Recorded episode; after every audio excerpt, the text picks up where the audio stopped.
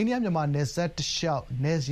စပ်စည်းရိုးခတ်မယ့် အိန္ဒိယ ဗဟိုအစိုးရရဲ့ အစီအစဉ်ကို ကန့်ကွက်ကြောင်း မြန်မာနဲ့ နယ်နိမိတ်ချင်း ထိစပ်နေတဲ့ မီဇိုရမ်ပြည်နယ် လွှတ်တော်မှာ ဗုဒ္ဓဟူးနေ့က မဲခွဲအတည်ပြုခဲ့ကြောင်း အိန္ဒိယ သတင်းတွေမှာ ဖော်ပြကြပါတယ်။အိန္ဒိယနဲ့ မြန်မာ နယ်စပ်တလျှောက် နေထိုင်ကြတဲ့ လူမျိုးစုတွေကြား နယ်ခြားမျဉ်းကိုဖြတ်ပြီး ၁၀ မိုင်လောက်အထိ လွတ်လွတ်လပ်လပ် ဝင်ထွက်သွားလာခွင့်ရှိတဲ့ Free Movement Regime (FMR) သဘောတူညီချက်ကို အိန္ဒိယ ဗဟိုအစိုးရက ဖျက်သိမ်းပြီး နယ်စပ်စည်းရိုးခတ်မယ်လို့ ကြေညာထားတာပါ။ လွှတ်တော်အမတ် ၆၀ နဲ့ ဖွဲ့စည်းထားတဲ့ မီဇိုရမ်ပြည်နယ်လွှတ်တော်မှာ ပြည်နယ် ပြည်ထဲရေးဝန်ကြီး Sat Pangdanga ကတင်သွင်းတဲ့ အဆိုထဲမှာတော့ ဇို တိုင်းရင်းသားမျိုးနွယ်စုတွေရဲ့ ဘိုးဘွားပိုင်မြေမှာ စည်းရိုးမခြားဘဲ အတူတကွ နေထိုင်နိုင်စေဖို့ ဗဟိုအစိုးရအနေနဲ့ ပြန်လည်စဉ်းစားဖို့ တိုက်တွန်းထားပါတယ်။မီဇိုရမ်ပြည်နယ်နဲ့ မြန်မာနိုင်ငံ ချင်းတောင်တန်းတွေပေါ်က ဇိုတိုင်းရင်းသား လူမျိုးစုတွေဟာ ရာစုနှစ်များစွာ အတူနေထိုင်ခဲ့ကြတာဖြစ်ပြီး